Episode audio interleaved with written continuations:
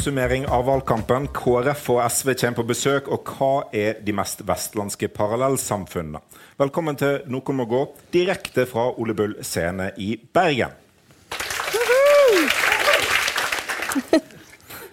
Jeg styrer dette veldig fint, syns jeg, med applausen. Det er så naturlig. Du har for masse makt, Jens. Eh, Med meg på scenen har jeg eh, Gerd Kjellflot. Hallo, hallo! Og applauskommandør Jens Kiel. Hallo i Lucky Billett-looken. Den teller, folkens. Eh, Snart får vi eh, besøk av eh, Jeg er Morten Myksvold. Ja. Jeg var opptatt av gjestene. Sorry. Snart får vi besøk av Sara Bell fra SV og Dag Inge Ulstein fra KrF. Men først må vi prate litt sammen. For jeg er lei Av valgkamp. OK. Ja. God timing. ja, altså I dag så kjente jeg at jeg fikk sånn um, valgkamp-fatigue. Jeg var sånn Nå orker jeg ikke én måling til. Hvordan var det akkurat? Um, jeg kjente faktisk at det satte seg på en måte akkurat der, eh, der i hårfestet hvor kvisene begynner og flassen avtar, liksom. Eh, Det var litt mye. ja. Liksom Hva, men hva er det du er så lei av? Meningsmålinger. Jeg er lei meningsmålinger. Jeg lurer ikke på noe mer om noen velgere før det faktiske valget. Og jeg lurer litt på det. Jeg lurer ikke mer på eh, noen flere sånne eh, politikere gjør dum ting i håp om at noen skal stemme på vedkommende. Jeg orker ikke å se Erna Solberg klappe ett eneste dyr til, eller en eneste velger til, eller noen ting. Jeg orker egentlig bare Jeg, jeg orker ikke mer. Nei, men jeg, jeg er veldig lei av partilederdebatter. Eh, lei av å høre å, Det er det verste, å høre parti si at eh, de, hvem de vil samarbeide med, og hvem de ikke vil samarbeide med, og hvor masse kaos det er på den andre siden. Også sånne ting som de har øvd på hjemme. Ja. Sånn der, eh, vi, må gi de, Utvikle, ikke avvikle. ja, vi må gi de store pengene til de små menneskene. Vi må ha de lange perspektivene for de korte fotavtrykkene. Som er sånn, Hva betyr det? Jeg vet ikke. Jeg syns det er bra at dere er lei alt vi har snakka om i oppgiringen til denne valgkampen. Det, det synes jeg bidrar bra. Jeg, jeg er faktisk ikke lei av meningsmålinger. Jeg har vært litt lei meg i dag når vi fikk den siste meningsmålingen før valget i BT. Hvem skulle trodd at du ikke var lei Jeg blir nesten, nesten en sånn ekte engasjert uh, når jeg får meningsmålinger. Vi har hatt sånn gisseleik uh, på jobb når vi har fått målingene. En av oss åpner de, og så tar vi runden og tipper. Uh, og det, det, det er gøy. Ja. Altså, det, er sånn der, på en måte, det er både hyggelig at du forteller det, men det er også et slags varslingsskjema. Eller Ja. sånn der, det sier jo noe om vår arbeidsplass. Ja. Ja, Eh, Fredagskos eller et rop om hjelp. Ja, sant. Det er mange ting jeg, altså, det, som jeg kommer til å savne. det At liksom politikerne kaster seg etter oss på et vis. Det er jo liksom den her eh, altså, Vi er jo alltid i et avhengighetsforhold, på en måte, journalister og politikere, men denne her eh, tida her så er det grovt til fordel oss. da Og kanskje det at i år så har det vært så utrolig mange partier som har det har vært litt sånn stress for. Ja, Altså, Det er det alle, egentlig. det er ikke noe kjempevalgkamp for uh, verken Høyre eller Ap. Senterpartiet raste med en stein. En milliard partier rundt sperregrensa. Eh, altså, det har jo vært eh, Ja, ja, ja. Masse Alle trøkk. Altså Denne uka her så liksom sto statsministeren omtrent og krafsa på døra. Sånn. Det er ikke så ofte at det skjer. Ja, Og det vil eh, du savne? Eh, ja. Hallo? Og så tenker jeg også sånn der eh, Alle absurde situasjoner. Du sier at du er veldig lei av å se eh, hun klapper dyr og sånt. Jeg, jeg tenker at jeg eh, det har vært masse bra. Det er mye rart som skjer. Og det synes bare det er sånn fint å bare stå og være vitne til. Å stå og se på at voksne folk står med sånne jazz hands og bare liksom se at det er dødt inni øynene mens de gjør det. Altså, det, det der bildet, for du var jo oppe i Nygårdsparken da Ja. Høyre hadde sin valgkampåpning. Ja. Og Eh, at Tom, Georg Indrevik hadde på seg paljettblazer. Blå sånn bobbysocksjakke. Mm. Var sånn, det var sånn vi, vi driver ikke valgkamp, vi lever valgkamp! roper folk tilbake. Mm. Det, Det Vekkelsesmøte. Ja, men det er sykt, liksom! Og det er jeg bare Nei, jeg elsker det. Men alle de Elsker de tingene der syns du vi kan bare liksom ha mer av. La de kose seg og klappe fisker og alt mulig. Men Ja.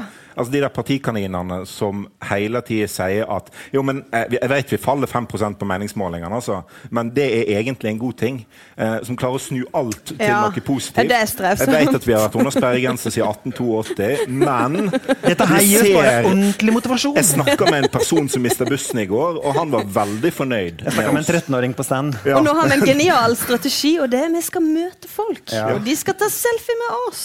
For det er Erna, Men Erna tar jo mest selfier med dyr. Altså, Nei, Da du tar- var oppe i Florø, og Ja. den fisken Ja, ja, ja. Da ja, de rett og slett stoppa båten ute på fjorden, For så at du kunne du gå skulle ut. ta bilde med en fisk. Så skjøt Bare vi sånn. Hvorfor ikke mer av det? Ja. Nei, Høyre jeg syns- 11 i Sogn og Fjordane, er det ikke det? Gratulerer. Ja, ja, Ok, ja. jeg tror vi må litt videre til noen av de sakene som har eller burde hatt eh, dominans i valgkampen. Eh, og for å snakke litt om de sakene vi trodde valgkampen skulle handle om, da. Ja. Distriktspolitikk. Hvor ble bygdene av i alt mildere? ja. Ja, de la, ble lagt ned ved starten av valgkampen. Det er ganske tydelig. Og jeg hadde, det hadde jeg virkelig ikke trodd. Nei, jeg vet det. Eh, og særlig fordi at den saken på ekte er viktig. Men kanskje var det rett og slett bare det at, eh, at partiene skjerpa seg litt på distriktspolitikken, og så blei det litt sånn utjevna? Eller hva var det som Jeg vet ikke, jeg fikk liksom ikke helt med meg hva som skjedde. For- Men det var, altså Senterpartiet falt jo. Men om det var før eller etter at det egentlig bare forsvant, om klima kom og bare tok over, jeg veit ikke. Men Senterpartiet var jo de første som slutta å snakke om bygdene. Ja, på Altså, sett og vis. og- og De jeg hadde var- snakka så masse om det at det var bare Ja, De har jo snakka mer om på en måte redselen for eh, transpersoner enn redselen for eh, nedleggelser på byene. Ja, Og ja. det har vært veldig rart.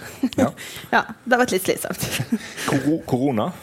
Burde ikke det vært litt sånn valgkamptema? Det har vært litt viktig det siste halvannet året. Største krise Norge har stått i siden tyskerne forsvant? Ja, det er helt sånn oppsiktsvekkende hvor eh, upolitisk og dødt det har vært. Altså Selv når folkeopinionen Og det har vært veldig masse kritikk der ute, og spørsmål Bør vi gjøre det sånn? Bør vi gjøre det sånn? Det hadde vært så lett for Støre og for noen andre å bare gå litt løs på, på regjeringspartiene og på Høyre.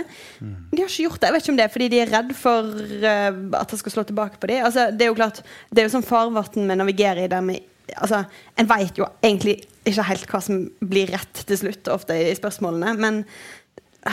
Det er jo noe med at hvis, hvis Arbeiderpartiet eller SV eller noen andre hadde kjørt veldig hardt på koronahåndteringen, og spesielt i gjenåpningen nå, så tror jeg Høyre hadde stått foran de der store plakatene med 'Vi gjenåpner Norge på den tryggeste og beste måten', og sagt 'vi må ikke politisere koronakrisen'. Og så hadde på en måte folk hørt på det og sagt 'ja, det må ikke jeg gjøre'. Men er det ikke, er ikke det veldig rart av Høyre? For de starta veldig ut på den der. og hadde det ikke vært lov å politisere koronakrise? Altså, Jo, men sagt, selvsagt. eh, så sånn, hvis man Det er det mest og sa, politiske som har skjedd med de fleste. vi, vi er en kjempeflink regjering, og vi har klart dette på en bra måte. Stem på oss. Altså, det er også politikk. man kunne jo liksom anerkjent det på et eller annet vis. Eh, men Nei, jeg vet ikke. Altså, kanskje, kanskje er det greit, eh, bra for sånn derre tillitsnivå i samfunnet og sånn, men Kjedelige greier. Jo, jo, men altså Jeg, jeg er jo altså, politisk journalist. Jeg vil bare se verden brenne. Jeg lever jo ikke av Det var ikke det vi sa i forrige podkast. Da snakket vi om at tilliten var liksom under press.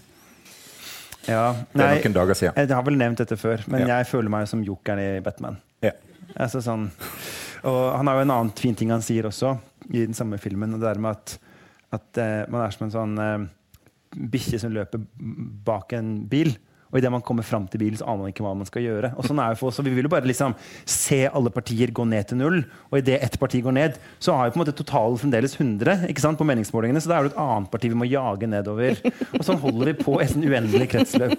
Det er sant. Masse kritikk her nå, Jens. Se- Selvkritikk. Ja. Det er sikkert bra, det. Vår fremste egenskap som journalister. Ja. Saker som valgkampen handler om, da. Altså Ja. klima, olje. Ja, Det var jo en del av. det handler det veldig mye om. Det kjenner jeg at jeg er litt lei av, hvis det er lov å si. Verden er i ferd med å gå unna, men må vi snakke om det på tredje uke på rad? Jo, men det er måten det blir gjort på i valgkamp. Det er, bare, det er da. Ja. Ok, ja. Ja, for det har, vært, det har jo ikke vært en stor klimadebatt nødvendigvis. Det har vært en stor debatt om oljeleiting og sluttdato for olje. Mm. Og så er det sånn sluttdatoen, tusen andre klimatiltak som en ikke har snakket om. Ja. En litt smal debatt. Jeg, skjønte, jeg har fremdeles ikke skjønt den der oljeskattepakkendringa. Det tror jeg ikke regjeringen har gjort heller. Nei, Jeg var for dum til å forstå den, eh, og jeg på en måte an- anerkjent det veldig som menneske. Altså Kort fortalt skal den føre til at det blir mindre leiting, men kanskje mer leiting. Mindre aktivitet på sokkelen, men muligens blir det mer. Staten skal til mindre risiko, men selskapene sitter igjen med mer penger. Forståelig? Takk. Ja, vær så god. Økonomiske forskjeller, omfordeling, Det var jo litt gøy at eh, det har blitt litt trøkk i, da. Ja. syntes jeg at, eh, at jeg ble litt glad for, for det er jo sånn ting som er en, en Sammen med klima, en, sånn, en veldig stor ting i vår tid, og som aldri valgkamper ender opp med å handle om. Eh, jeg, eksempel, jeg håper jo på ekte at vi får en boligpolitikkvalgkamp i Norge en gang. Men det får vi sikkert ikke. Men, men eh, at sånne ting kommer opp, det merker jeg at engasjerte meg litt. da. Men er ikke det litt sånn typisk at med en gang forskjeller, økonomiske forskjeller, omfordeling blir tema, så er det på en måte den ganske lille formuesskatten som er tema? At det er der slaget står? For det, jeg tenker at det har jo ikke handla om det. da. Altså, det har jo handla om tannhelse, og det har handla om eh, eh, sånn KrF som har, jeg synes har fått opp det her med fritidskortet for unger. altså Masse sånne ting. Og så er det jo ikke de, altså de, for de rød-grønne partiene sin feil at Erna insisterte på å reise til Frøya og snakke med Gustav Witzøe og sønnen hans, Gustav Witzøe, eh, og fortelle at eh, vi kan ikke bo her hvis ikke vi får lov til å utnytte fjordene deres gratis og slippe å betale formuesskatt av det. Mm. Eh, så det Ganske bra referat av det besøket der, Jens. Ja, ja, men det, var en, det er fremdeles Jeg tror jeg kårer det til det rareste i valgkampen etter da Vedum sto og pekte på seg sjæl i Arendal som ja. statsminister. Og da Vedum sto og lanserte bok. Ja, det, det og sikkert et par andre ting Vedum har gjort denne valgkampen. Ja, ok da. Ja, okay. ja, Men på ikke-Vedum-topplista så er han ganske høyt oppe. Ja. Egen liste. Ja. Ok. Um, saker valgkampen burde handle om, da? Er det noe vi savner? Um, ja. Uh, jo, jeg syns alltid det er rart at helse og skole ikke klarer å bli en større sak i en valgkamp, og generelt i politikken. Fordi det er jo de tingene som preger oss aller, aller mest i hverdagen. Mm. Som bare ja, Som alle har et eller annet forhold til og jeg trenger. Og så er det aldri politisk debatt, egentlig, så mye om det. Fordi jeg vet ikke. Du klarer bare ikke å få noe. Litt debatt om tannhelse nå på slutten. Ja, tannhelse. Men, ja. men, det er liksom det, da. Men er det kanskje sånn at det bare er vi som er teite? En, altså, altså at, at, at mellom partiene og velgerne så skjer det en ganske sånn interessant og meningsfull utveksling om begge de te temaene. For det er de viktigste temaene for velgerne. Mm. Eh, og f.eks. Arbeiderpartiet, som gjør det ganske bra nå i innspurten, har jo sånne type saker høyt opp på sin, altså sånn velferdssaker høyt opp på sin liste. Mm. Så det kan bare være at vi sier vi vil bare snakke om regjeringsalternativer, og så eh, sier velgerne har du en løpeseddel med noe om skole. Jo, men det var en skoledebatt i en av partilederdebattene nå. Ja. Eh, og den ble liksom til firerkravet om lærere. Den handler om lærerutdannelsen, ikke om skolen. i det Ikke skolepolitikk i brei forstand, i hvert fall. Og det er alltid sånn det blir. Det blir, ja, det blir sånne små ting. Private innslag, sidemål, uh, lekser Altså mm. summen av alle de liksom, markeringssakene da, er jo, sier jo noe om hva retning skolene skal i.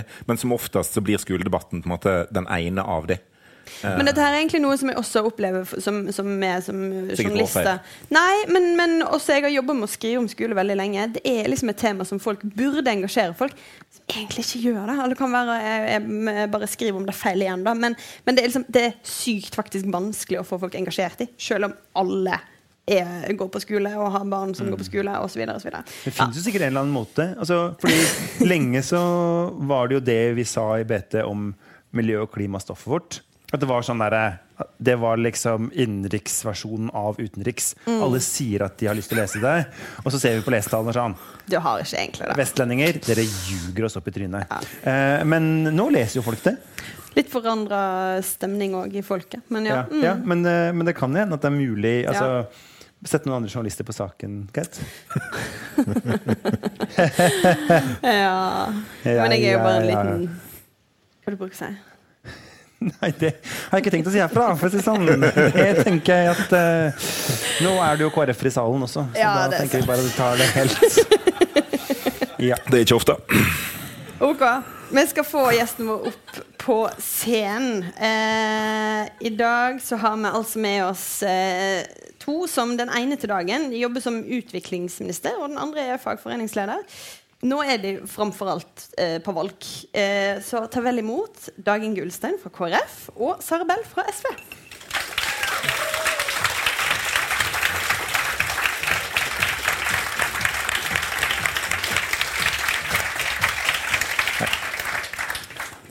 Veldig bra. Um, dere har helt sikkert uh, vært uh, ute også i dag og prøvd å sanke folk, antar jeg. Jeg tenkte jeg skulle liksom begynne med å la dere forteller dere opplever sikkert mye rart mens dere er ute. ja. Eh, hva kan jeg komme på? Nei, jeg tror jeg, tror jeg gir den videre til deg først. Ja, Du har vært i Sunnhordland i dag. Det jeg stemmer, altså. Så eh, faktisk det siste vi gjorde, var at vi var med på med hekkeløp, spydkast og sleggekasting i- på, eh, på i Fitjar. Ja. Og med Knut Arild Hareide. Og han holdt altså på å dra med seg et halvt sånn uh, jente 14-kull med den her uh, slegga. uh, slegga si. Så det gikk helt uh, altfor langt til venstre, rett og slett. Det er jo han kjent for å eh, Så, det var, så jeg skal sende dere den filmen etterpå. Veldig bra. Han var jo tidligere en sterk KrF-kommune. Ser det stygt ut nå, da? 38,7 eh, ligger det på nå. Så det er fortsatt greit, da. Så det var det er utrolig Så det har gått litt eh, opp, faktisk, siste Så det er veldig kjekt. Ja. Var bare 30? Jeg tror det er noe sånt. Ja, Vi kommer ikke til å faktasjekke det her nå. Ja, ingen sleggekast på deg i dag? Ingen sleggekast, men jeg har vært på noe sånn nå, nå skal vi på 48 timer med Audun og rådgiverne hans i bil rundt i hele fylket, som egentlig er en sånn uh, kjøre, kjøre, kjøre, løpe ut, snakke med lokalavis, kjøre inn, kjøre ut, og så etter åtte timer sier Audun nå så har noe å spise. så, ja. så det tempoet er er jeg ikke vant til det. Ja, det er må jeg si. Han, han er helt sinnssyk. Ja. Ja. Men syns du det er gøy, eller er det bare kleint? Nei, altså, eh, nå har jeg det litt sånn at det føles som jeg har vært på tre Roskilde-festivaler etter hverandre, men uten den gode musikken og det gode utvalget i baren. Sånn Men, eh, eh, så, så, så du får liksom det, det, har, det byr jo på alt. Sant? Det byr på frustrasjon, glede, eh, rare mennesker. Eh, Roskilde er på en måte litt som skjærgårdsgospel. Ja, det var det jeg lurte litt på. Ja. Så bra. Nydelig at Veldig fint at du liksom kan oversette. Her, altså. Ja. La meg bare oversette her. Du er kulturtolk. Ja. ja, men det er jo, Vi kan gå over til å snakke om det, da, for dere er jo litt uh, ulike. Uh, og representerer litt ulike partier. Har sikkert hatt en ganske forskjellig vei inn i politikken òg, ser for meg. Du er jo en slags eks-sexolog. Uh, og du har vært husokkupant. Ja. Ja, vil du begynne kanskje med å Var fortelle det så ulikt? Kunne ikke det kombineres? Hæ? Det kunne godt kombineres, det. sexolog og husokkupant? Ja. Jo jo. Ja, men det er nå Jo, det tror jeg Ja, går fint det an jeg å vi blande. Men- eh. Jo, eh, i, eh, på 90-tallet, tidlig på 90-tallet, eller i 1989-90, så begynte ungdommer i Bergen å okkupere hus. Da var jeg jo 13 år og en slags revdilter, vil jeg egentlig si. Var ikke noen sånn sentral person i akkurat, akkurat eh, den biten. Men så flyttet jeg til eh, Danmark da jeg var 17.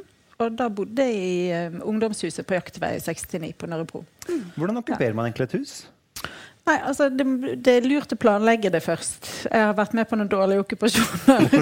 det det er lurt å sjekke at, at trappene ikke råtner når man faller gjennom eh, liksom, gulv og sånne ting. Så må man lage barrikader. Eh, man må ha en mediegruppe. Man må ha en strategi for hva man gjør hvis politiet kommer. Eh, en eh, Drevland var jo eh, forsvarsadvokat for de som ble arrestert. Det, han var veldig god her. Så, ja, nei, man må jo egentlig være god på organisering. Dette hadde du veldig øh, framme fortsatt, følte jeg. At øh, du kunne gjort det nå igjen, hvis du måtte. Ja, ja, ja. Dette kan være noen tips hvis man taper valget, men ikke har lyst til å gå ut Jeg av synes det regjering. høres utrolig gøy ut. jeg. Ja, det er kjempegøy. Han ble med deg opp på huset etterpå. Hvordan Ja. du egentlig et statsrådkontor, sånn, hvis det er hypotetisk noen i lokalet som ville gjort det?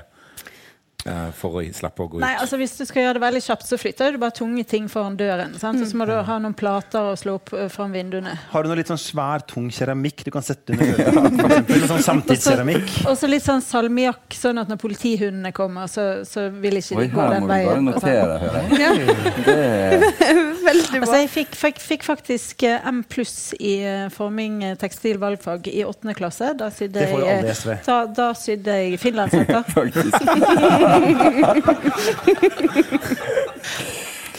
Ja.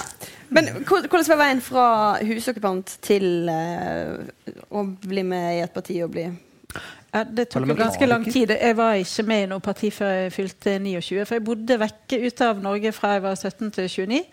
Så tok jeg ikke videregående skole, men jeg kom inn på universitet på realkompetansen da jeg var 21. Og så gikk jeg på tre universiteter rundt omkring, og så fikk jeg en bachelorgrad til sist.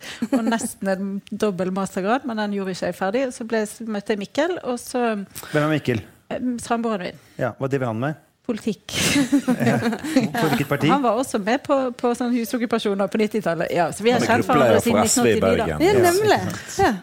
Og så insisterte han på at vi skulle flytte til Bergen. Og så insisterte jeg på at da måtte vi melde oss inn i SV. Og det gjorde vi i 2005. Eller jeg gikk ned i valgboden, og der sto Odden i en flott rød spaserdrakt. og, og, og, så skrev jeg meg liksom inn i partiet. Og årsaken til at jeg ville gå fra å være aktivist til å drive med politikk, var egentlig at vi hadde, hadde bodd lenge i Danmark og sett en enorm polarisering eh, mellom f.eks. Dansk Folkeparti og innvandrerbefolkningen, og at rasismen var på, på framgang. Og, Men hvorfor ja. SV og ikke Rødt? Altså Når du går fra å være husokkupant til politiker, så hadde jeg i hvert fall tenkt at Rødt eller RV? Så jeg vokste jo opp med sånn AKP-ML-foreldre, så jeg hadde, hadde liksom kjente mange av de der gamle i RV ja. og sånn. Og så var, men hovedårsaken handlet om at jeg ønsket å være medlem i en demokratisk, sosialistisk organisasjon som var villig til å gripe etter statsmakten. Altså eh, gå i regjering. Ja. Og da skal vi nå se om dere kanskje slår snart. Men det, det, er én ting jeg vil ja. spørre om det. Ja, altså, og det er fordi at 0445 har jeg lest liksom at dere er oppe og løper i ja. barfot i skogen. og Hæ? Yoga med eterisk olje før frokost. Nei, det er ingen altså, olje. Altså, jeg må bare si, jeg synes det høres helt altså, Hver dag, seriøst. Gjør du altså, dette? Det er bare sånn så kombinasjonen av å komme inn med realkompetanse, husoppokasjon, og så på en måte drive og jogge på, på natta. Det er jo helt vilt. Ja, jeg kan, jeg kan ta den fra at det er ganske imponerende. Fordi at Marte Hammer tok meg med på en sånn eh, eh demonstrasjon mot eh, vindmøller oppe i Nordhordland. Og så sa hun OK, du må skjønne hvorfor de vindmøllene ikke skal bygges her. Og så dro hun meg opp på det der fjellet, og, jeg, eh, og hun er i veldig god form. Hun bare drrrt opp, og jeg latet som ingenting. Så jeg bare gikk og gikk og gikk, og så til sist sånn halvveis opp så bare datt jeg om. Og, bare, og så var det så flaut. Uh, så jeg tenkte faen katten, jeg må komme i bedre form. Så da uh, uh, ville jeg jogge. Og Mikkel han vil ikke jogge når det er andre mennesker ute, så han greit, det gjør vi fem om morgenen. Den andre liksom, grøfta du kunne havne i der, var liksom sånn Nei, dette orker jeg ikke. Så jeg ja. plasserer vindmøller på alle fjelltopper. men jeg liker ikke å jogge, men jeg syns det er ganske kult etter jeg har jogget. Ja. Ja. Hvis du kom inn på Stortinget nå, da, som hvert målingene tyder på at du har sjanse på, er det noen fjelltopper i Oslo du ser for deg å springe til? Sankthanshaugen? Um, det er jo en liten bakke opp til Slottsparken. Altså, eh, Karen Andersen, som jo er SVs absolutte veteran i stortingsgruppa, og er noen og 60 eller noe sånt noe. Hun eh, jogger vel fremdeles, eller løper. Så i sinnssyk fart fra stortingsleiligheten sin eh, et eller annet sted langt ut på Oslo vest og til eh, Stortinget og tilbake på ettermiddagen. Og det er noe sånn åtte kilometer hver vei, og dere syns hun er så innmari grei måte å gjøre det på. Okay. Og det tenker jeg sånn Null press. Den dagen jeg er dobbelt så gammel som jeg er nå, og holder, hvis jeg hadde holdt det halvparten av det tempoet til Karin Andersen, så ja. Det er bra. Men OK, Ulstein. Eh, din vei inn i politikken. Litt annerledes? Ja, litt annerledes, altså lite husokkupasjon, ja. Eh, egentlig. må jeg si. Eller jeg har eh, faktisk okkupert svigermors hus innimellom. På en annen måte? Ikke sånn salmiakk? Og... Nei, ikke, helt, ikke så mye salmiakk. Men det var jo det som skjedde når uh, første inn, inntoget i, bypolitikken her. Mm. Det var, Jeg husker ikke hvem det var, om det var BR eller om det var BT. Men vi, jeg bodde jo på Koltveit. Og så sa Monica Mæland at du kan bare bo der ute fortsatt, og Ingrid, det går bra. Og så um, Det gikk ikke bra. Det, det gikk ikke noe sånn gutterommentak i bergenspolitikken? Det er kanskje eneste huset jeg har okkupert, altså. Ja. Du, måtte, du, du, måtte flytte til svigermor for å bli folkeregistrert i Bergen? Ja, vi måtte faktisk, jo, vi måtte jo flytte folkeregistrert adresse da over natta, faktisk. For da Ja, ja. Sånn er det. Sånn. ikke litt i kirkeasyl engang? Kunne gjort det. Det er dårlig med det, altså. Men altså, har du vært uh, KrF-KrFU-medlem alltid, eller starta du i menighet, eller hvor på en måte starta du? du aldri faktisk i eh, den veien helt tatt. Det var den telefonen som kom fra Monica Mæland i sin tid. Så det er Monica Mæland som feil? Nei, det er sikkert ikke det. Jo, kanskje litt. Men det var jo, eh, det var jo KrF satt jo og jobba sammen med Høyre her, da. Ja. ja. Men de fant deg ikke i telefonkatalogen, så du må jo ha vært i kontakt? Det var nok ikke det, altså. Men det var vel en, en pappapermisjon, tror jeg, som gjorde at jeg var inne og hadde et, et like, lite vikariat. For uh, det var Philip Rygg som uh, var inne da. Så det hmm. ja. Sånn gikk det. Så sånn endte du altså opp ja. eh, som statsråd til slutt. Eh, nå eh, må vi snakke litt om eh, valget som snart er. I dag hadde jo vi vår siste Hordalandsmåling, og den var jo egentlig ganske fin for dere begge. Så bra. Begge fikk eh, i hvert fall eh, plass på Stortinget der. Så vi passer på å bare å ringe hyggelige respondenter før dere skal komme. Ja, ja, ja, det må være grei. Ja. Men jeg går ut fra at dere er ganske spent begge to. For ingen av dere sitter jo på noen sikker plass her, egentlig. Eh, altså, Sara Bell her er andrekandidaten til SV. SV har ikke hatt to kandidater inne siden Siden Audun Audun Lysbakken kom inn på som andrekandidat i 2001. Ja. Så, og det er liksom eh, historisk høye resultater en ser nå. Så det er jo veldig hyggelig for deg. Du eh, er førstekandidaten for KrF, og KrF har alltid hatt en representant fra Hordaland siden det var 1933. Ja. Ja. Så det ville vært dumt å være den som eh, tungt. Det har blitt mye tungt, ass. Litt eh, Tenk, kjenner du på det?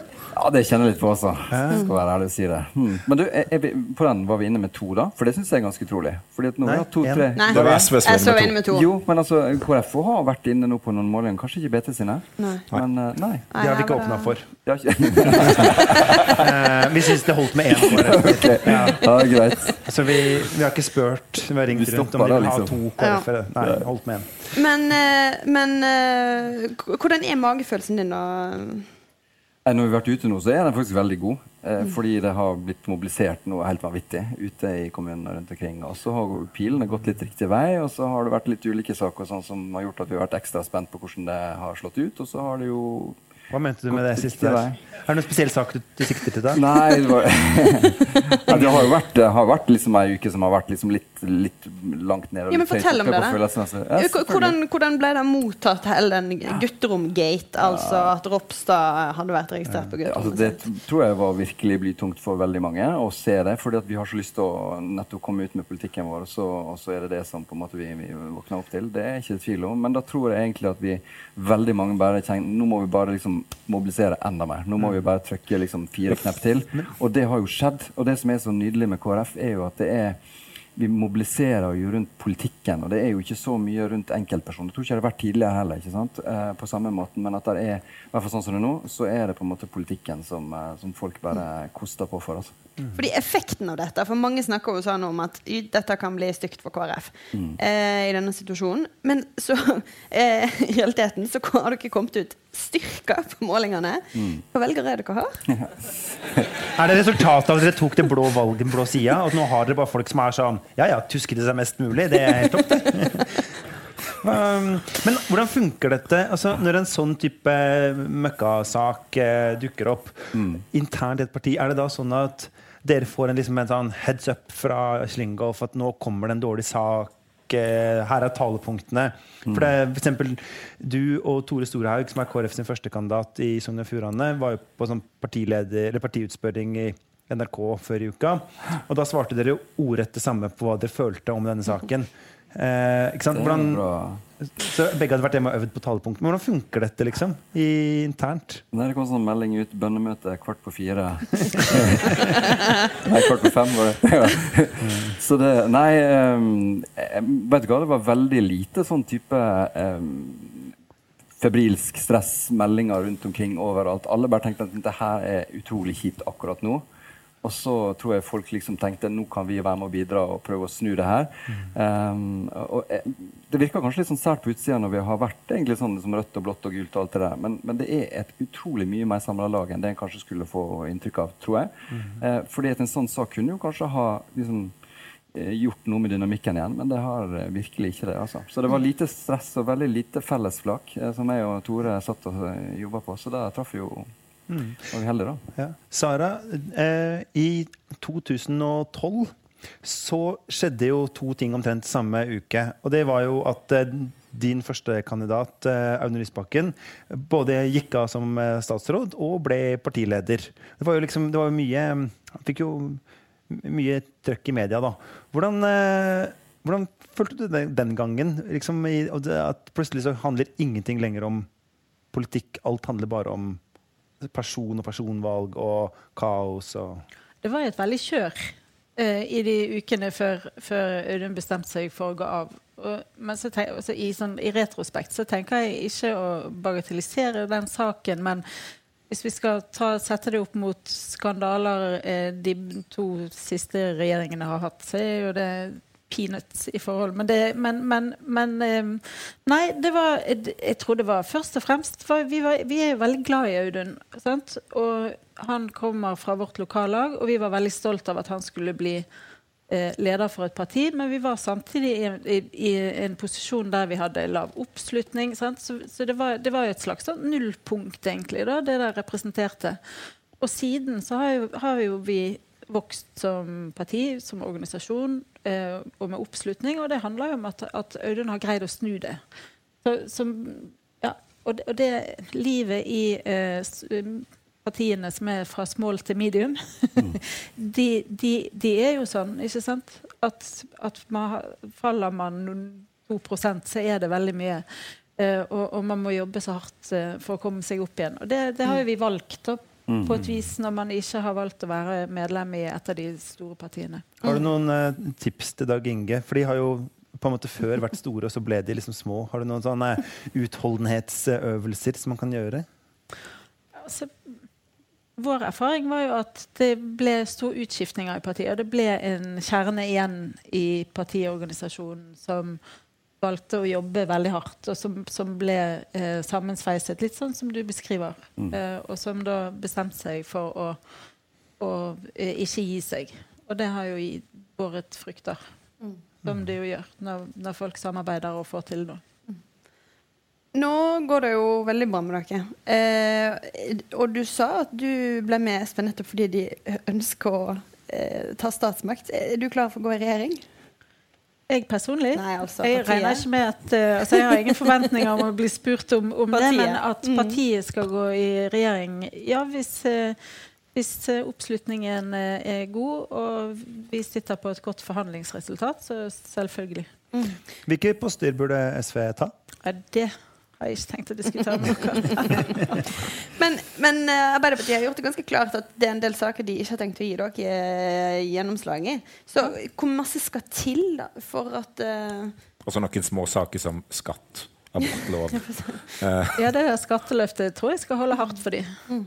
Men, men ja, hva, hva må, hvor, hvor mye må dere få for at dette skal bli aktuelt? Det vil jo vise seg. Det blir veldig spennende å følge med på i de nærmeste ukene. Vedum, da? Hva syns du om han? Eh, la meg svare. Jeg, jeg liker Kjersti Toppe kjempegodt.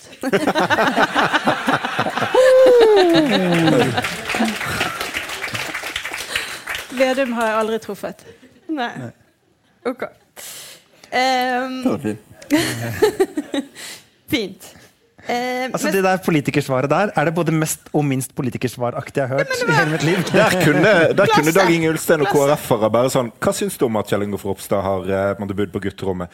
Nei, jeg liker foreldre. I KrF liker vi foreldre. Um, det, det gjør vi, altså. Um, altså. Alltid greit å lufte litt på gutterommet, er nå min erfaring. Ok. Eh, eh, for å gå over til å snakke om noe litt vanskelig, da. Eh, det var for god stemning her? Ja, jeg syns det var litt for god stemning. Og da? La oss snakke litt om det mest betente spørsmålet i eh, norsk politikk, på en måte abort. Eh, ja, fordi God fredag. Sarbel, du representerer jo eh, det partiet som vil gjøre all abort, egentlig, selvbestemt. Altså fram til levedyktighet. Det er uke 22, da. Hvis vi, tar, ja, vi har sagt at uh, det er kvinnen som skal mm. ta den avgjørelsen. Og så er motargumentene uh, de samme som alltid har vært i abortdebatten, som i stor grad handler om å skape et bilde av at hvis kvinner bare får lov til å liksom bli, bli, sluppet løs, så, så, vil de gå inn og så vil de ta abort i, i hvilken som helst uke. Men abortstatistikken vår den viser at nesten alle aborter blir tatt før uke ti. Og hvis vi sammenligner oss f.eks. med Skottland, som har hatt eh, fri abort til 24. uke siden 1967, hvis jeg ikke tar helt feil, så har de lavere eh, antall senaborter enn vi har. Så det, det, det handler om for oss, det er å styrke det som skal være støtten for folk i en vanskelig situasjon. Og eh, gi beslutningsstøtte, ikke ha en nemnd som, som bestemmer. Så er, er det ulike erfaringer med nemnd. Noen kvinner sier at de opplever det som forferdelig. andre har sagt at de får støtte. Eh, så vi tar vekk det som er kjipt, og så styrke støttene omkring eh, Ja. Er et veldig lite antall kvinner som tar seinabort. Ja. Altså, ordet beslutningsstøtte, bare for oss som ikke hva, hva er det for noe? Det er egentlig et sosialfaglig begrep. Nei, det handler jo om altså, eh, Helsepersonell eh, har plikt til å gi forsvarlig eh, helsehjelp til folk. ikke sant? Eh, og det har eh, gravide kvinner eh, som trenger seinaborter, enten fordi at fosteret ikke er levedyktig, eller fordi at eh, som ofte også kan skje, at, at mor ikke vil overleve en graviditet. KrF har jo tidligere foreslått obligatorisk refleksjonstid. Eh, er det en snakk om en sånn frivillig eh, refleksjon, rådgivning? Så min erfaring med kvinner er at de er fullt i stand til å reflektere at man ikke trenger å pålegge dem det. Og at en del av en nødvendig helsehjelp i en vanskelig situasjon er å få rådgivning. Eh, Så, så det, tenk, tenker, det, er sånn, det er en selvfølge at det trenger man ikke å påpeke at kvinner trenger. Men kan du forstå de som, som opplever at det dere vedtok eh, her, var eh, det ytterliggående? At det er at, at at på en grensene på noe vis? Ja, altså Hvis man har en, et skremmebilde av at kvinner kommer i 19. uke og liksom bare åh, nå gidder ikke jeg å være eh, gravid lenger. Nå skal jeg, fordi at jeg er 100% psykopat, ta abort. Eh, ja, men det, det er litt sånn jeg opplever at, at, at det blir laget et sånn, eh, en demonisering, eller demoniserende bilde av, av kvinner som tar senabort. Og det harmonerer altså ikke med all kunnskap vi har om kvinner, når de tar abort, og hvorfor de tar abort seint. Anna Solberg sa jo på partilederdebatten nå eh, på TV 2 på, på onsdag var det vel, at eh, hvis du flytter selvbestemt abort senere enn uke 12, så vil folk få vite kjønn før eh, eh, liksom grenser for selvbestemt abort. Det er jo på en måte, altså det er jo sant. Da vil folk få vite hva kjønn fosteret har før selvbestemt abort. Men er det en sånn måte, demonisering du snakker om? At du mistenkeliggjør folk for å ville ta abort på bakgrunn av kjønn? Ja, altså, ja. Jeg tenker at det er en mistenkeliggjøring som er unødvendig. fordi at eh, aborttall i dag viser oss at den, altså den fremste forsvarer av et foster, det er kvinner. Eh, og, og de som faktisk ikke ønsker seg barn, de tar abort veldig tidlig. De som tar senabort, det er i all hovedsak kvinner som egentlig ønsker seg et barn, men så skjer det noe eh, som kommer i veien for det. Som, altså, som faktisk umuliggjør at man kan føde et, eh, enten et levende barn eller komme ut av det i livet. Det med kjønn eh, Nei, jeg tenker ikke Jeg ser ikke for meg at det er et, en problemstilling i Norge. Hadde vi vært i India, f.eks., eller eh, så, så ville man kanskje eh, hatt den problemstillingen. Men kan Men det være eh, altså diasporamiljøer i Norge hvor det kan være en problemstilling? Det tenker jeg ikke i utgangspunktet, nei. Men nei. Det er, måte, det er i hvert fall helt åpenbart at det er dilemma i det her. Eh, og det er det jo både medisinsk og kanskje noe på mer sånn statistisk bakgrunn òg. Altså det at det kan no, Jeg kan ikke godt nok tallene eh, rundt det her, sånn som du viste til. Men det er jo land som har utvida grenser for fri abort, der du ser at det faktisk har skyvd og gjort at det har blitt flere som har tatt senaborter. Så det det er ikke noe sånn null eller én. Eh, ikke sant? Og da er det en del sånne saker. Ja, det er helt riktig at i India så er det veldig mange eh, jenter som mangler.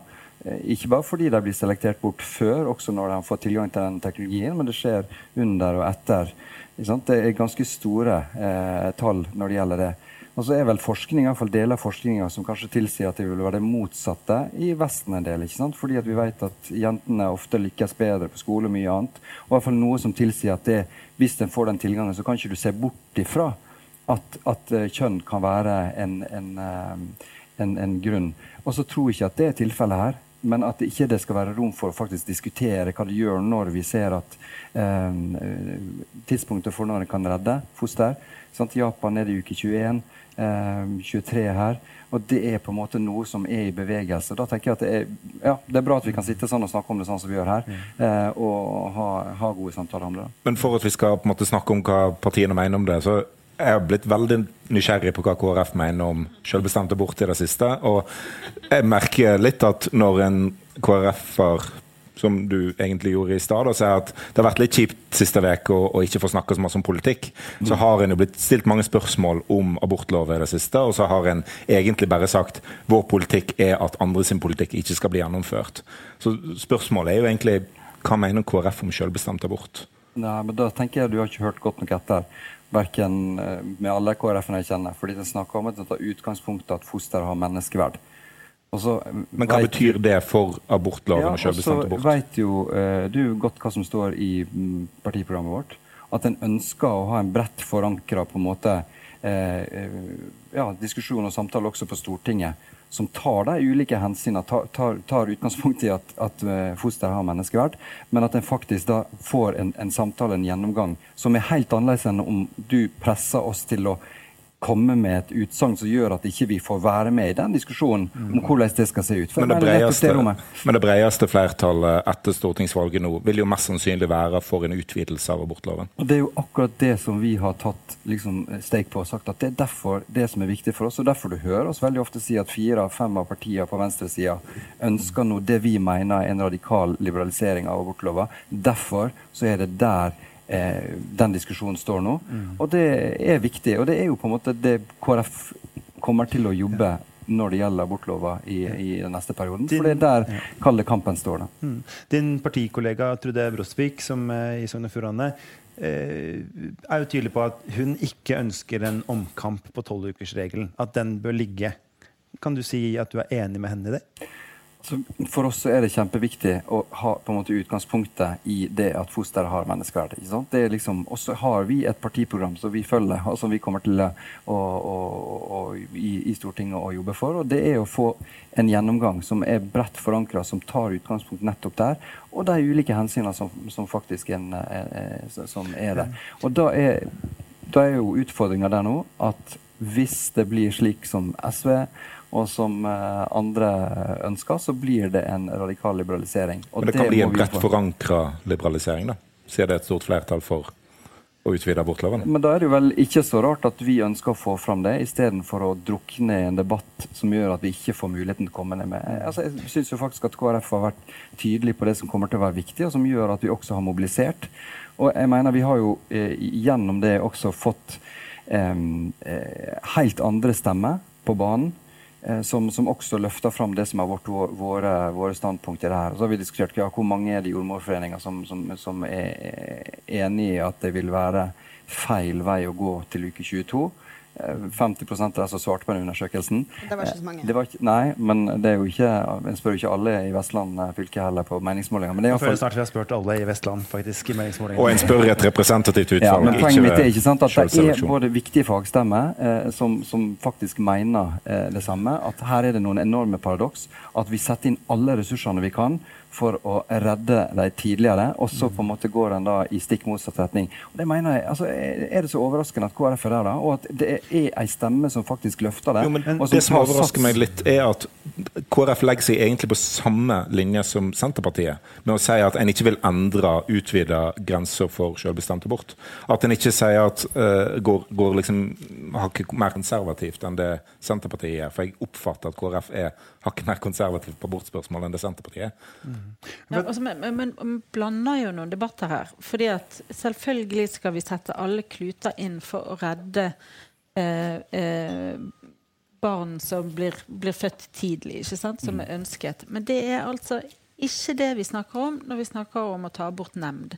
Da snakker vi om å beholde kvinnens verdighet i å, å gi eh, myndiggjøre kvinner til å kunne ta den beslutningen som hun tross alt må leve med sjøl. Det, det, det, er to helt parallelle og ulike ting. Uh, så, så, men er ikke det likevel liksom Men, men, mm. men sant, så når man blander det sammen, så får man liksom mistenkeliggjort denne gruppen med kvinner som tar senabort. Men kan ikke bare smette inn en liten For det er klart at uh, det med den kjønnsdiskusjonen med om det er færre eller flere jenter osv. Men det vi vet, f.eks. fra Danmark og andre plasser, er jo at det er jo vesentlig færre som blir født med Downs syndrom. Og da er det jo noe med at en på, med enkelte egenskaper Men det er i hvert fall viktige eh, Jeg mener at vi har en kjempeviktig stemme å løfte nettopp det. Og, og det er jo kjent. Eh, og det, jeg tror folk ville vært Det kommer alltid til å være veldig vanskelig å avslutte. Nei, men, ja, men nå var vi egentlig ferdige, Jens. Nå må jeg være sånn eh, Arild Riise. Er det et bra spørsmål? Ja, jeg har et spørsmål. Fordi eh, for, for jeg har sittet og lurt på dette ordentlig. Og da jeg var på eh, Vårt Land og Dagen sin eh, verdidebatt borte i Forum, så sa Kjell Ingolf Ropstad at eh, at Jeg har ikke sett den, jeg, faktisk. Nei, så da det kan jeg anbefale hvis du ønsker å høre Alf Jøsund og eh, Vebjørn Selbekk snakke 80 av tida, og de ti personene i panelet snakke 20 av tida. Eh, da sa Kjell Ingolf Ropstad at vi ønsker en mer restriktiv lov. At det var hans primære ønske. Eh, er du enig i det? Det ligger jo helt klart at vårt utgangspunkt er der når vi vil ha en sånn bredt forankra. Så er jo ikke det fordi vi vil flytte det i en mer liberal retning. Det tror jeg Var det så overraskende at han sa det? Nei, for jeg syns på en måte at han var tydeligere der enn han er eh, på, i mer allmennmedia. Ja. Men hvis vi får ny kunnskap som gjør at det faktisk er mulig, da, som vi snakka om, eh, å redde dem tidligere, så vil jo det, bør jo det få konsekvenser for hvordan vi innretter samfunnet rundt det. At det menneskeverdet og den rettsstillinga og til, til fosteret, til barna eh, Vi må jo ta den kunnskapen og bruke den. Jeg, jeg må, må, ba, ba, må bare få svare på det. Men dette her kommer aldri til å gå! Fordi Jensen-feil. Jens Nå, jeg må ødelagt. bare Det må nå si det med, med, med svar ut her med downs og, og, og eh, Altså, eh, hvis vi tilrettelegger for at familier som får barn med downs, kan ha et verdig liv og, eh, eller andre former for uh, funksjonshemminger eller utviklingshemminger, uh, så kan det godt være at veldig mange flere kvinner vil velge å tørre å, ha, å få de barna. ikke sant? Så, så disse tingene henger jo sammen. Men det, den kampen skal tas utenfor uh, kvinners liv og mor. Altså. Da må vi sette strek for det der. Eh, vi kan liksom ikke slutte bare her og gå rett videre. Så vi må, til aller sist må vi spørre. Eh, ting kan jo skje. Eh, I ditt parti går ting veldig bra. I ditt parti er det litt uklart ennå, Ølstein. Eh, men eh, hvis det, eh, dere kommer under sperregrensa, hva skjer da? For partiet? Ja? Det har jeg ikke tenkt på. Hvis dere kommer, hvis dere kommer under sperregrensa, eh, da kommer fort vekk ikke Kjell Ingolf inn fra Agder. Mm. Så sitter du og Olaug Bollestad på Stortinget aleine og eh, ser på hverandre. Ok, En av Nå som får blir jeg lyst til å bare partileder. jobbe for å være enda flere folk, for det blir litt tungt. da. Å være, et- ja. Men, tror det blir tungt å være men, med. Bare Liker du ikke Olaug tenker Bolstad? du Nei, nei, men at det- jo, elsker henne, altså. Jeg elsker Olaug. Altså, hvis ikke du, da, da blir det i hvert fall eh, tråkigt hvis ikke du liker den ene andre som er KrF. Men er det du eller Olaug, som skal bli partileder etter Kjell Ingolf, da? Ja, det, jeg så ikke den komme. Jeg, altså, jeg har jo alltid drømt om det. Å bli partileder? Partileder, ja. Så det er jo um, Nei, selvfølgelig. Endelig. Det som er, Kutte den altså, som har det delen. som en drøm altså, Nei, det er jo Nei. Altså, det tror jeg alle vet her, at jeg aldri har hatt som en drøm. Og kommer aldri til å drømme om det. Men, Hadde eh, du som drøm å bli utviklingsminister? Nei. Men du ble det. Jeg prøvde jo å slutte i politiet. Mm. Hadde du en drøm om å bli finansbyråd? For det er i så fall helt sjukt å drømme om. det. Men, men i så fall så må du jobbe litt med sosiale medier hvis du skal finte ut Bollestad. Det er sant. Jeg Jeg har liksom bare gitt opp. Jeg har ikke lagt ut noe på storyen min på tre dager. Altså, så det er Nei. bare å ja, sånn oppretta det skjorteermer fungerer litt, men lakens Ja. Det må bli mer på deg sjøl. Ja, enda. Det kommer en veldig bra overskrift i BA i morgen, faktisk. Der okay. jeg liksom letta litt på Skal jeg, fortelle det her? Enda lenger, faktisk. Hæ?! OK, ja, du må Ja, kjapt. Det- gikk kjapt. Ja, det gikk veldig kjapt. Det gikk veldig kjapt. Nei, jeg kan ikke si det nå. ass. Jeg kan ikke okay. Nei, men det er jo uh... Altså, jeg, jeg, jeg mener alle menn bør kutte strengen hvis de liksom tar ansvar. Og, så det, det kommer mye stoff om eh, Overraskende reklame for lørdag, lørdags-BA i uh, Noen må gå. Aldri trodde jeg skulle si det, men jeg tror alle sammen var ikke på BA i morgen. Ja, ja, ja. Et, altså et annet tips eh, som kanskje KrF da kunne løfte fram mer, var at i stedet for å kutte strengen, skal man bare bli homo. Der har du det, vet du. Det er mitt, eh, lite forslag. Ja, ja, ja, så bra. Prøver du å si noe?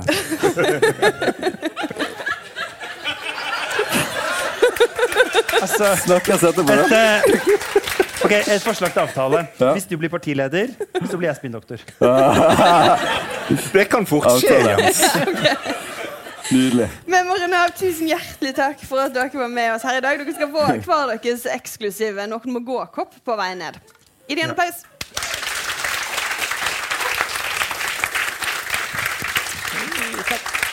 Ja, hjertelig. De som eh, deltok på, eh, i publikum her, har i hvert fall fått sett den første abortdebatten en fredagskveld på Ole Bull scene noensinne. Um, Hvem skulle trodd? Kvinner langt over randen. Ok, det er ikke lov å si. Jens, nå er det deg her. Nå er det meg. Eller endelig. Det har vært lite Jens i kveld. Å, Jens, Jens, Jens. Vi må Jens. til uh, Å Vestland, Jens. Og nå denne gangen så er det Å, Vestland. Det føler jeg. Fordi vi skal egentlig prate om noe så gøy som ekstraordinære valgkretser. Det var en, Som også er litt sånn fredag kveld på Ole Bull. ja. Men jeg tenkte at eh, siden nå er et par dager igjen til valget, så hva er det som kjennetegner disse merkelige stedene hvor ett parti bare liksom trøkker til og gjør det helt absurd bra? Folkskrivning norsk?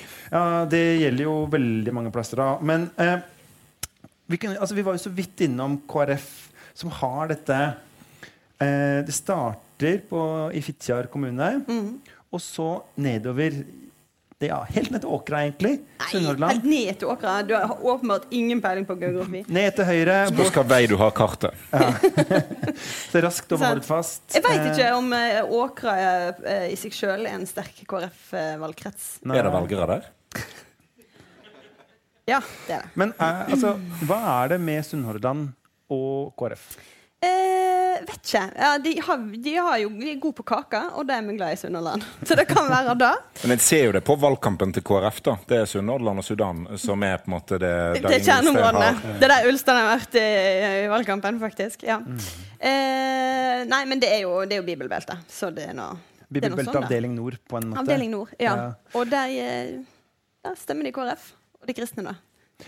Ja, for det er rett og slett der de stemmer. For det er Bømlo som egentlig er utspringet til både Knut Arild Hareide og Der Partiet Norge De ble Kristne. kristne, og partiet De kristne. Ja. Det er en såge for seg, altså. Ja, Ja. det får en si. Eh, så har vi jo Venstre, som er et sånn veldig hornbrillefaglig sterkt parti i storbyene.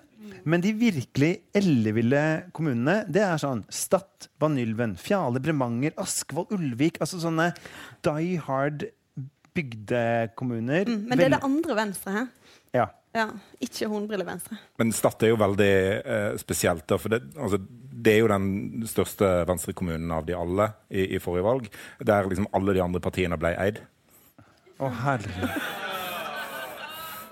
Dette, Det er ikke mulig. dette er den verste vitsen jeg har hørt i hele mitt liv. Jeg er helt eh, jeg er rasende. Jeg er rasende. Eh, og så eh, Frp, da. Eh, ditt gamle parti. Ja. Ja. Som har jo eh, Ja. Eh, altså, Bjørnafjorden, Gamle Os, er jo selvfølgelig nummer én. ja, Det er ikke Fusa som trekker opp uh, Nei. for Frp. Nei, Hva er det egentlig Fusa trekker opp her i verden? Reisetida. Ja. Eh, og ellers Etne, Austevoll, eh, Osterøy og mye sånne kommuner på Sunnmøre. Kommuner eh, hvor det er lov å lykkes. Det er jo det verste jeg veit. Det er jo plasser som det er Det lov å er lykkes lov å lykkes. Ja, ja. Når folk sier sånn det, det må være lov å lykkes, og tenker sånn Nei, det må det virkelig ikke være. Altså, det er, vik, altså, Norge er bygd på at det ikke er lov å lykkes. Ja. Men hva kjennetegner sånne plasser? Det er mye penger.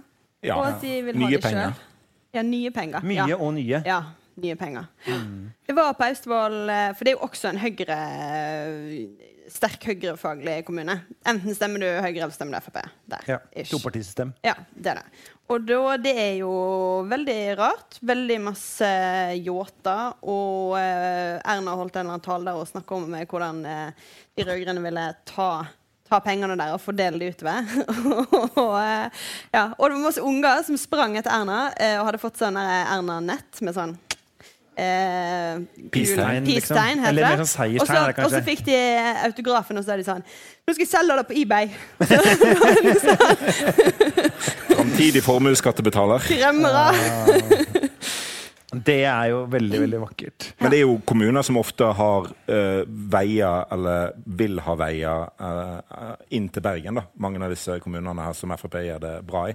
Eh, det er bruer som eh, har blitt nedbetalt, og bompengene har forsvunnet. og sånt. Spørsmålet er vil vi ha vei ut til dem. Nei, altså Hallo? Jeg tror Tor Voldseth, eh, som var gruppeleder i, i Bergen Frp, han, han spøkefullt foreslo bompenger på 500 kroner på Nordlandsbrua. Og jeg tror det var på noe, på grunn av noe jeg sa. Men da sa jeg at det var allerede allerede sent. det er det flere av oss som har tenkt opp igjennom. Ja.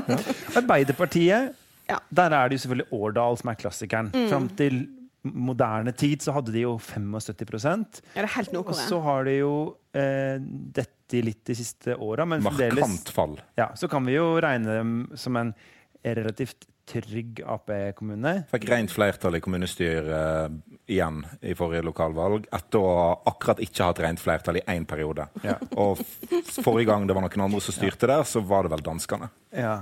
Men er det eh, Det er jo på en måte litt sånn vakkert, men også Det er noe litt sånn eh, solnedgang over et parti som er størst i de områdene av landet som SSB mener at skal ha hardest folketallsnedgang. Ja, det, Ja, er den sant, da? For det er jo, men det er, altså, husker du den filmen 'I Kina spiser de hund'? Nei. har ikke sett den, men Nei, folk flest bor i Kina, tittelen. prøvde jeg si. Det, ja, ja. Iran, Irak. Uh, og, eh, hvor de har forskjellige kortfilmer om hvert parti. Og eh, Arbeiderpartiet-kortfilmen det er et sånt mannskor med sånne korluer og sånt noe, som går mens de synger. Og så går de seg bare ned i myra mens de synger en sånn arbeidersang. Og de bare synker og synker og synker. Til slutt så har alle dødd. Men var ikke det i Årdal de rød-grønne forrige gang de styrte, skulle på en måte prøve å erstatte noen arbeidsplasser, og så opprettet de en dørfabrikk? Ja, det greiene der, ja. Ja. Det gikk ikke så bra. Nei, folk gikk ut døra, tror jeg. Ja, jeg orker ikke mer vitser fra deg. Gi. Senterpartiet.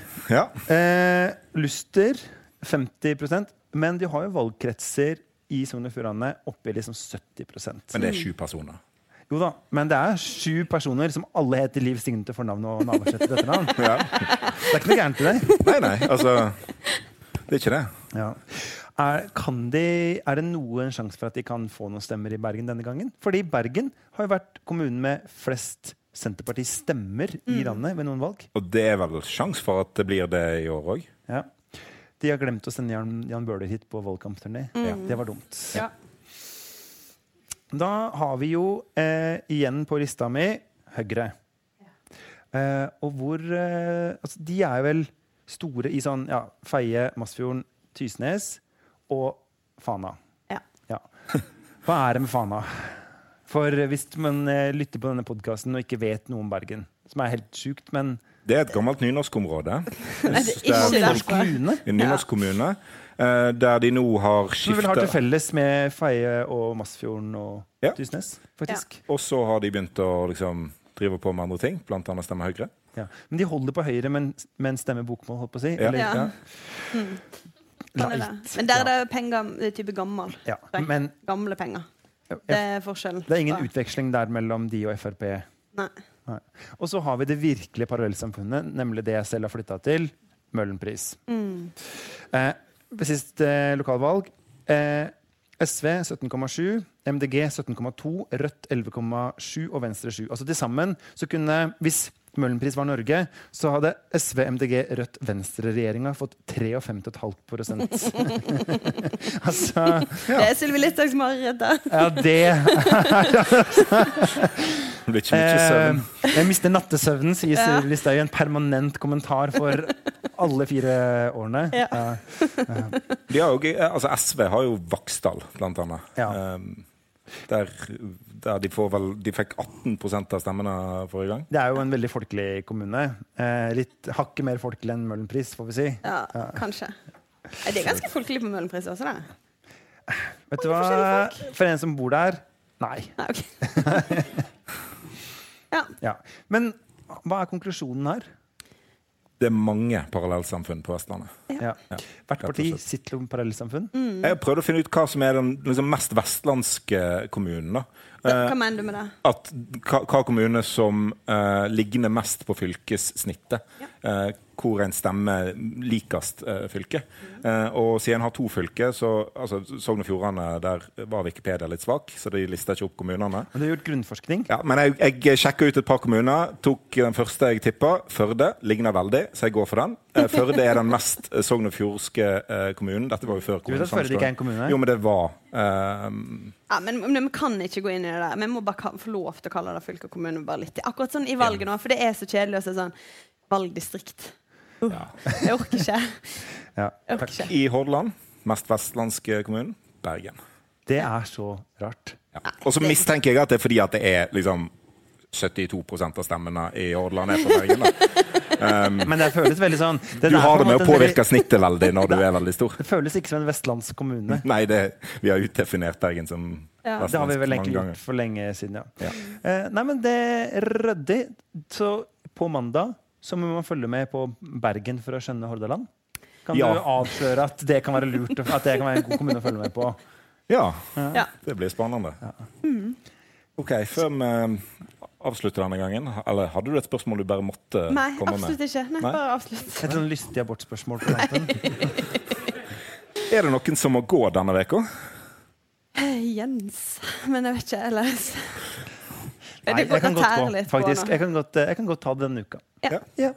Eh, For at akkurat nå så kjenner jeg at jeg tror unner på en måte alle politikerne å ikke få et eller annet sånn kjipt mot seg helt på slutten. Ja, men det var akkurat det jeg tenkte. De har så høye skuldre, og det står så mye på spill, og det er liksom nasjonalforsamlinga, tjo og hei. Og så tar vi det neste uke. Ja. da, da skal jeg være litt slem og spørre hvem er det som må gå neste uke, tror du? Oi, oi, oi, oi, oi.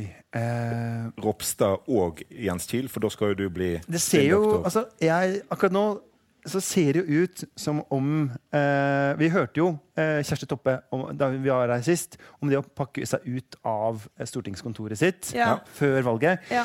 Hvis jeg var hennes partikollega Jan Bøhler, så ville jeg kanskje nappa ned et par av der bodybuilder-plakatene fra veggen nå i helga. Begynne å sparkle litt uh, Ja, der han har stått og liksom lekeboksa mot Det veggen. er Og sånn. hullene der han har hengt opp sånne hengetsting. Ja, ja, ja, ja, ja. Så det er, det er kanskje han som får gå neste uke. Må kanskje Eller det. løpe, da. I helt sånn sinnssykt tempo. Ok. Innspill og tilbakemeldinger det kan du sende til nmgsnabelabt.no. Kom opp på scenen etterpå og gi det direkte til oss på behørig avstand, eller i Facebook-gruppa 'Noen må gå'. Det blir seint på mandag. Vi skal dekke valget for mediehuset Bergens Tidende, men Vi skal først og fremst dekke det for dere, kjære okay, lyttere. Ja, folkelig, Jens. Um, men vi skal klare å komme oss i studio i løpet av tirsdagen. Snakk for deg sjæl. Det er kanskje en bakfull Jens, da. Ja, da. Eh, Men da skal vi i hvert fall snakke oss gjennom hva som faktisk skjedde i valget, i stedet Ja. for å Bare snakke om hva som kan skje. Ja. Ja. Men det er gøy, det òg. OK. Intromusikk det var bergenser av Bjørn Torske. Ansvarlig for arrangementet det var Martin Hirt. Jeg så på Degens. Eh, Det var forstyrrende. aldri Produsent det er Arve Stigen. Du finner eh, podden i BT-appen eller hvor enn du laster ned podkaster fra internett. Ah, Og dere fant den jo her på Ole Bull. Ja. Tusen takk til våre gjester, Sara Abel og Dag Inge Ulstein. Og tusen takk til alle som kom. Ha det bra! Hei! Ha det!